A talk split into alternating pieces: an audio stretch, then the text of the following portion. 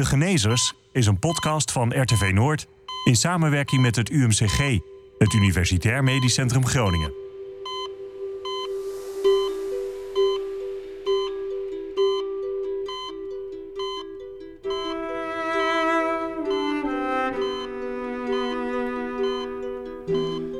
De Genezers is een podcast over ziekte en genezing, over dokters en patiënten, over methodes en ontwikkelingen in de medische wetenschap. Deze aflevering gaat over fantoompijn. Een bekend fenomeen voor bij mensen die een amputatie hebben ondergaan, zoals Georges Borgman. Vijf jaar geleden raakte hij met de auto van de weg. Die sloeg over de kop. Daarbij werd de arm van Georges afgerukt. Een slagaderlijke bloeding was het gevolg. Hij kon zich niet uit zijn benade positie in de auto bevrijden. Als ervaren EHBO'er wist hij dat het er slecht voor hem uitzag.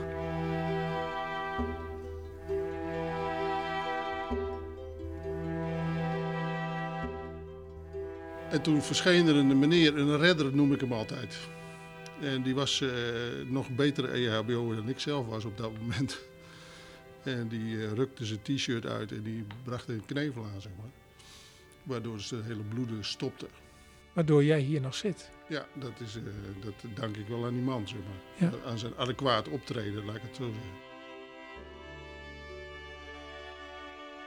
Ik beloof dat ik de geneeskunst zo goed als ik kan zal uitoefenen ten dienste van mijn medemens. Ik zal zorgen voor zieken, gezondheid bevorderen en lijden verlichten. De belofte van Corrie van der Sluis om haar patiënten zo goed mogelijk te helpen. Dr. van der Sluis is revalidatiearts en hoogleraar revalidatiegeneeskunde. In deze aflevering is ze de genezer, die zich onder meer bezighoudt met het bestrijden van fantoompijn. Het is wel iets wat bij heel veel mensen met een amputatie uh, voorkomt. En naarmate de amputatie groter is, lijkt het ook alsof er mensen meer fantoompijn hebben. Elk jaar ondergaan ruim 3000 mensen in Nederland een amputatie aan een van hun ledematen. Als gevolg van bijvoorbeeld complicaties bij diabetes. Soms is een verkeersongeluk de oorzaak, zoals bij George. Veel mensen krijgen na een amputatie last van fantoompijn. Ik had er wel van gehoord, maar nooit begrepen wat het was, zeg maar. Want ik heb ooit als, uh, als... In mijn jeugd heb ik me een stuk van mijn pink verloren. En daar heb ik wel fantoompijn bij gehad. Maar ja, door de tijd is dat verloren gegaan, zeg maar. En dat was dus mijn linker pink en nu is mijn linkerarm is weg. Uh, maar goed, ik lag dus in het ziekenhuis ongeveer de derde dag. En uh, komt een verpleger aan mijn bed en out of the blue zegt hij tegen mij van, nou, u zult wel fantoompijn hebben. Ik denk, wat is dat, weet je wel? Ik kon er helemaal geen beeld bij vormen. Nou, en dan een aantal dagen later, uh, je ligt er toch behoorlijk verdoofd met allerlei heftige middelen, zeg maar. Uh, besef je dat ook allemaal niet zo goed. En een aantal dagen later kwam er iemand met een folder aandragen van kort maar prachtig over uh, ja, fantoompijn. Ja. En eigenlijk door, die, door dat woord en die folder werd ik eigenlijk op het verkeerde been gezet, letterlijk. Want uh, daarmee leerde ik eigenlijk niet fantoomgevoel te herkennen, zeg maar. En, en fantoomgevoel is, hoeft helemaal niet negatief te zijn. En pijn is, ja, hè, heeft u kiespijn? Ja, weet je wel, dat, dat heeft, iedereen heeft meteen een beeld van, uh, van wat er aan de hand is. Terwijl fantoomgevoel, ja, die arm is er nog. Ik kan hem nu voor mezelf zo oproepen. Het brein denkt eigenlijk dat er nog een arm is. En heeft daar ook gevoelens in, uh, al dan niet pijnlijk, en reageert daarop. Die, voelt, die, heeft toch het gevoel dat er nog een arm is, ja. waar iets mee gebeurt. En uh, daar worden toch bepaalde signalen heen en weer gestuurd op een of andere manier. Ik heb nu de prothese om en dan zie ik dus eigenlijk ergens onbewust in, in die linker hè, blik uh, zie ik een hand en dat helpt al enorm om uh, ja, zeg maar, uh, normaal gevoel te hebben. Dat je dus helemaal geen accent meer legt. Heb je nu pijn? Even tussendoor, heb je nu pijn? Ja, als je het, als je het roept wel, maar uh, pijn. het is ook weer gelijk weg. Nee, nee, nee. nee. Ik, heb, ik heb fantoomgevoel, dat is constant aanwezig en dat fluctueert. En ja, op dit moment heb ik geen fantoompijn.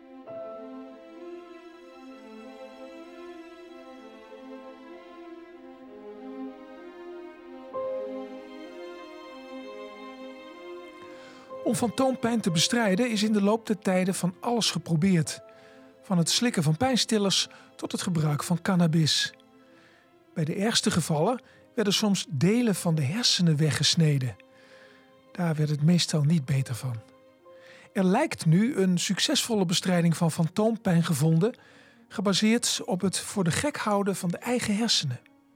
Voor de mensen met echt chronische fantoompijn ehm, heb ik toch wel het meeste vertrouwen in de neuromotorische behandeling. Daar heb ik wel echt wel hele goede resultaten van gezien.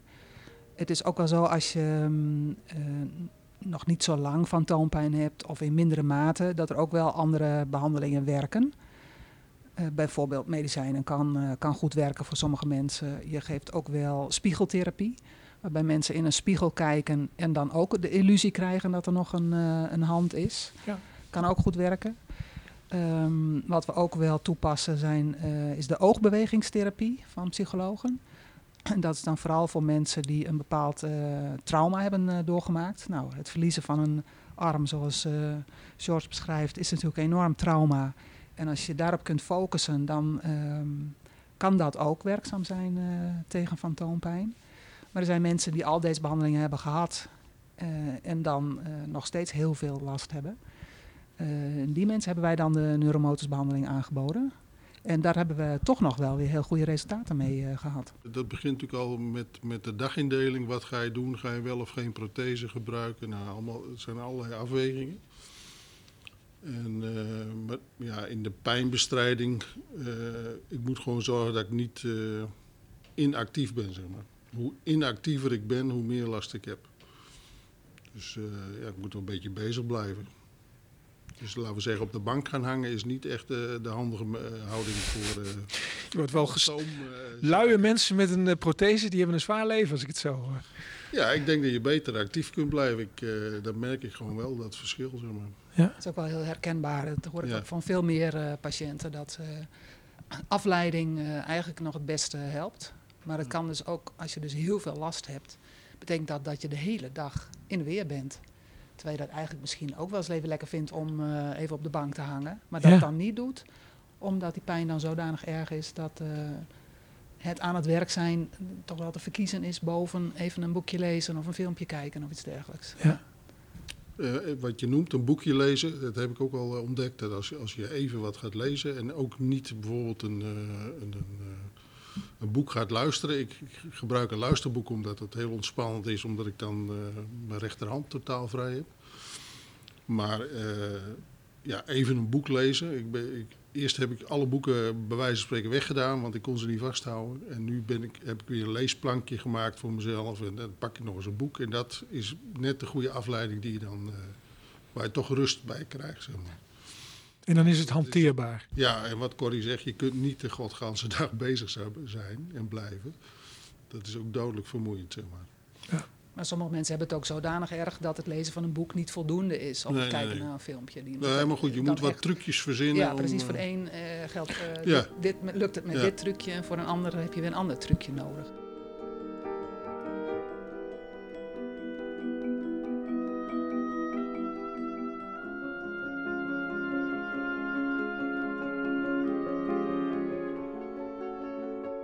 Je plakt eh, elektrodes op de, op de stomp. Ehm, die elektrodes die kun je activeren door je spieren aan te spannen. En die elektrodes die staan in verbinding met een computer. En een computer, daar zit bepaalde software in. Dat je ehm, bijvoorbeeld een ehm, virtuele arm ziet die over jouw stomp wordt geprojecteerd. En als je dan je spieren aanspant, dan kan je die arm eh, laten bewegen. Dus je kan de elleboog buigen en strekken. En als je nog wat beter geoefend bent, kan je bijvoorbeeld je pols buigen en strekken. Of je vingers eh, eh, of je hand open en dicht eh, maken. Je arm is gewoon weer terug, zeg maar. Dat geeft Virtueel. de illusie dat je een arm hebt waar je zelf controle over hebt. Dus je arm is virtueel weer terug. Er zitten nog wat andere elementen in de behandeling, maar dit is een van de, van de belangrijke elementen. En de behandeling waar wij het mee vergelijken, is ehm, een behandeling waarbij je die arm je moet voorstellen. Dus je ziet het wel op het scherm, maar je hebt er zelf geen controle over. Je hebt wel de elektroden op je stomp, Maar die zitten eigenlijk niet verbonden met de computer. Maar je ziet eigenlijk een soort filmpje op de computer waarbij je ook die arm ziet. Die arm beweegt ook. En dan moet je je voorstellen dat jij zelf die bewegingen uh, maakt. Ja. Dus je hebt uh, een behandeling waarbij je actief uh, die virtuele arm kunt aansturen. Versus de behandeling waarbij je die beweging moet voorstellen. Ja. Het is een klein nuanceverschil, maar wel het, het actieve gedeelte, dat je zelfcontrole hebt, dat zit in de ene behandeling wel en in de andere behandeling zit dat niet. Heb jij ze allebei gehad, uh, Jos? Nee, ik, ik, heb de behandeling gehad waarbij je dus alles kunt, uh, zelf kunt aansturen, zeg maar. En, en, dat vond ik heel erg plezierig. Ik was blij dat ik niet in die uh, zeg maar de placebo-versie zat. En ja, ik, ik werd er totaal blij van. Ik, uh, ik heb in het onderzoek meegedaan en daarna uh, mocht ik nog een keer een hele ronde doen zonder dat het nou specifiek het onderzoek was.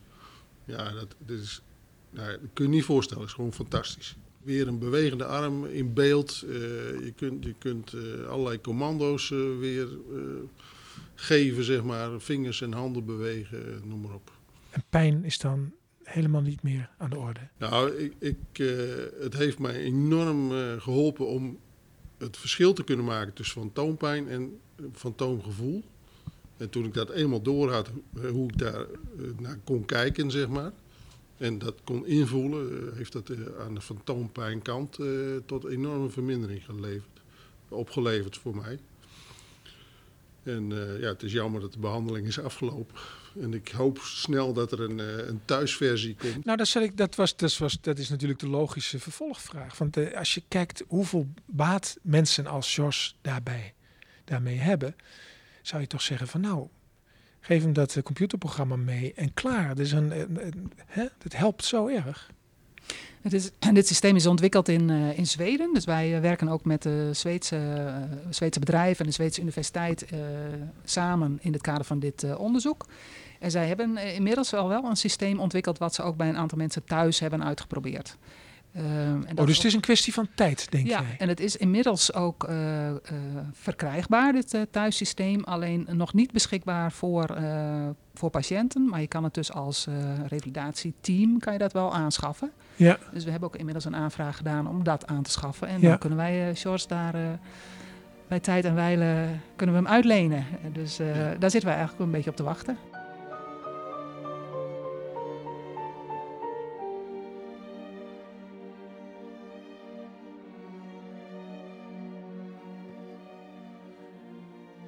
Jos Borgman werkte 40 jaar lang als bosbouwdeskundige had met zijn vrouw een eigen bedrijf dat zich daarmee bezighield en inmiddels aan zijn zoon is doorgegeven.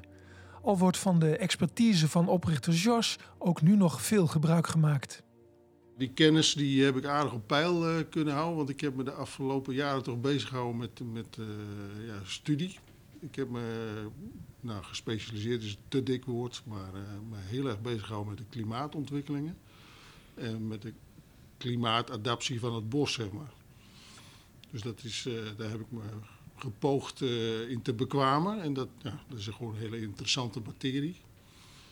Want dat betekent eigenlijk alles wat ik geleerd heb, zeg maar 40 jaar geleden, is nu totaal anders. Zeg maar. Alles is anders. Echt waar? Maar ja, ik, wat dat betreft ben ik ook een, iemand die daar weinig verstand van heeft. Wat, um, wat, wat uh, is dan het belangrijkste wat er zo anders is geworden in vergelijking ja, met 40 jaar geleden? De uurontwikkeling, de, de, hè, dus de klimatologische omstandigheden zoals we nu uh, nou, de, al twee jaar, uh, of eigenlijk bijna drie jaar, droogte op een rij hebben. de hele waterproblematiek in het bos, het bos verdroogt, daar kunnen een boomsoorten niet tegen. Er gaan heel veel bomen gewoon dood. Die, die staan of staan, gaan dood of staan te verpieteren. Nou, daar moeten we. Kijk, de klimaatantwoorden kunnen wij als zelf als persoon niet leveren. Hè? Dat moet je als maatschappij doen. Maar we moeten wel zorgen dat, uh, dat we antwoorden hebben, dat we op een goede manier reageren. Bijvoorbeeld door de goede boomsoorten die wel geschikt zijn nu voor deze omstandigheden, om die bijvoorbeeld te laten aanplanten. Gebeurt dat wel? Ja, dat, dat gebeurt volop. Nou is dat, eigenlijk het hele bosbouwvak is daar volop mee bezig en uh, in een totale omwenteling. Om uh, op, op zoek te gaan naar de antwoorden, zeg maar. Dit is een heel andere, heel andere eh, podcast ineens. Maar gaan, gaan wij wat dat betreft de goede kant op? Uh, nee, we gaan zeker niet hard genoeg. En uh, ik maak me ernstig, ja, goed, gewoon zorgen over de klimaatontwikkelingen, zeg maar. Die we, hebben, we draaien onvoldoende aan de CO2-knop, zeg maar, om het zo te noemen. Dus uh, ja, het broeikas blijft maar doorgaan. Hè.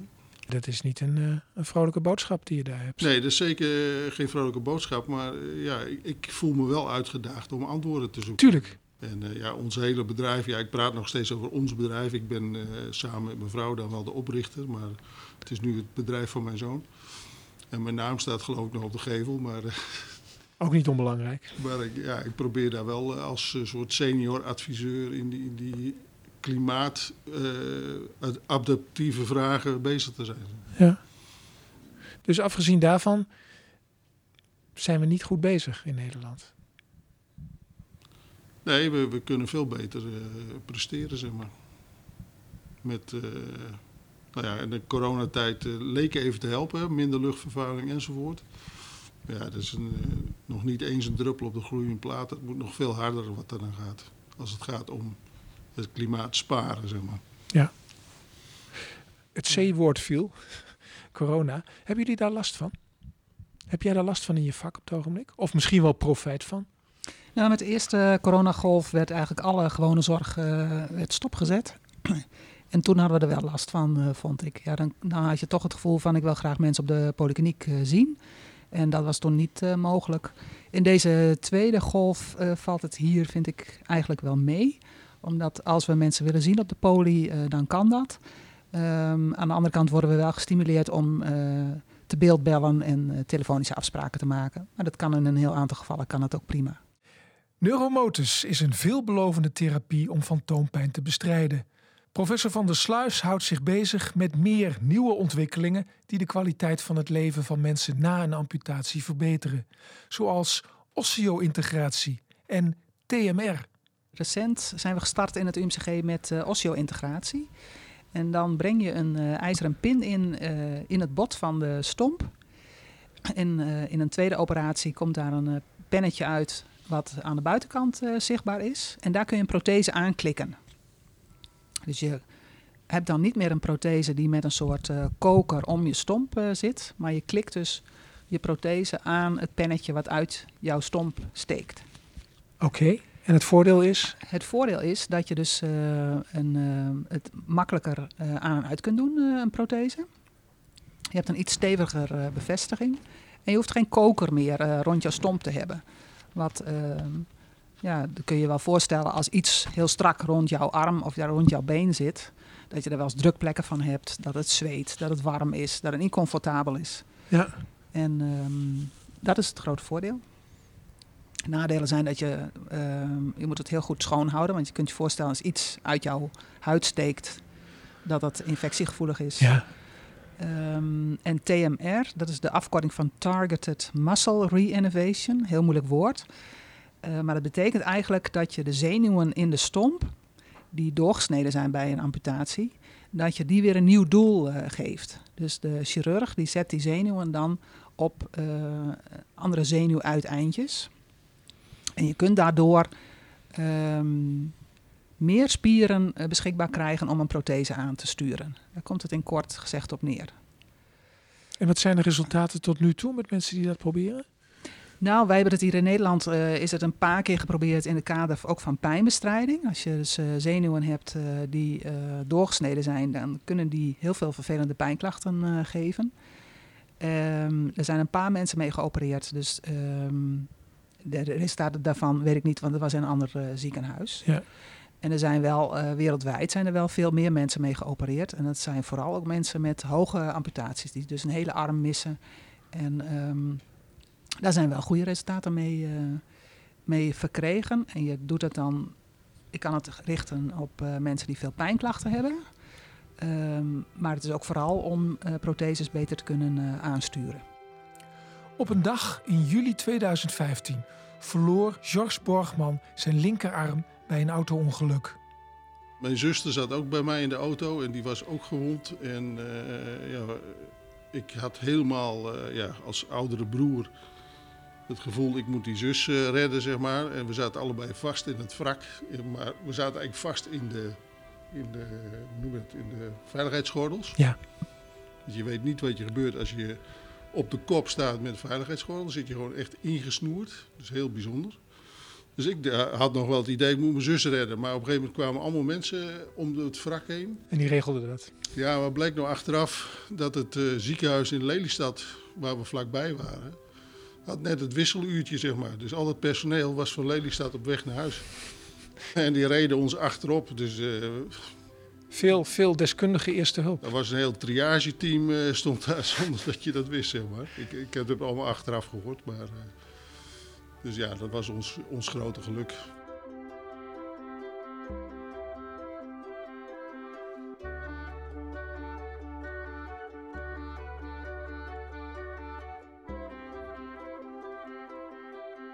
Ik zie mezelf niet als, eh, als iemand met beperking. Ik ben wel beperkt, maar ik voel me nooit beperkt, zeg maar. Ik, bedoel, ik zoek altijd de mogelijkheden, blijf ik zoeken. En eh, ja, daar haal ik gewoon heel veel energie uit. En, eh, dus ja, zo gauw ik in die, laten we zeggen, de fantoompijn-dip zit, dan moet ik zorgen dat ik daar weer op het goede pad weer terugkom, zeg maar. Ja, dat gaat de ene keer wat sneller dan de andere keer. En, maar ik laat me er niet, ja, zou ik heel eerlijk over zijn, daar laat ik me niet weerhouden, zeg maar. Goede patiënt, hè, Corrie? Hele goede patiënt. Nou, patiënt is eigenlijk niet het goede woord. Dankjewel. Nee, die, die instelling die die heeft. Nee, we noemen de mensen hier allemaal patiënten, maar ik vind eigenlijk zo iemand als George is eigenlijk geen patiënt. Die is een, eh, iemand die in staat is om zelf heel veel dingen goed te regelen en daar goed over te overleggen en eh, eigen keuzes in eh, te maken. Eh, in de revalidatie noem je dat dan een revalidant of een cliënt. Vind ik ook niet zo'n goede woorden. Dus ik weet eigenlijk niet wat een goed woord is. Heb je daar Ja, zelf een goed woord dit- voor, George? Ja, ik, ik, ik zou het ook niet weten direct, maar eh, het, is, het is heel moeilijk om, eh, om zeg maar, die, die- dat niveau vast te houden. Dat is altijd heel moeilijk, om, om zeg maar, dat positieve niveau te, vast te houden. En ook, ook voor mijn omgeving is dat altijd wel een uitdaging van, eh, ja, wie- is die uitgebluste man eh, in de stoel, zeg maar. Ja, die heeft dan een heel slecht moment. Ja. En dat moment kan wel eens even heel lang duren, zeg maar. Ja. Maar zo gauw dat, eh, dat ik het weer aan de kant kan zetten, dan ja, probeer ik toch weer de horizon te zien. Want die is, die is er wel, hè? de horizonhunkeraar. Zeg maar. Horizontunkeraar. Nou, dat is een heel mooi woord.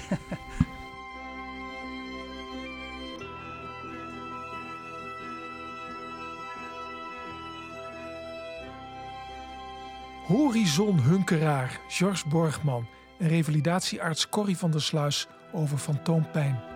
Deze podcast is gemaakt door Janneke Kruse en Marjolein de Winkel van het UMCG. Techniek Meralda Smit. Mijn naam is Pieter de Hart. Er zijn meer afleveringen van De Genezers.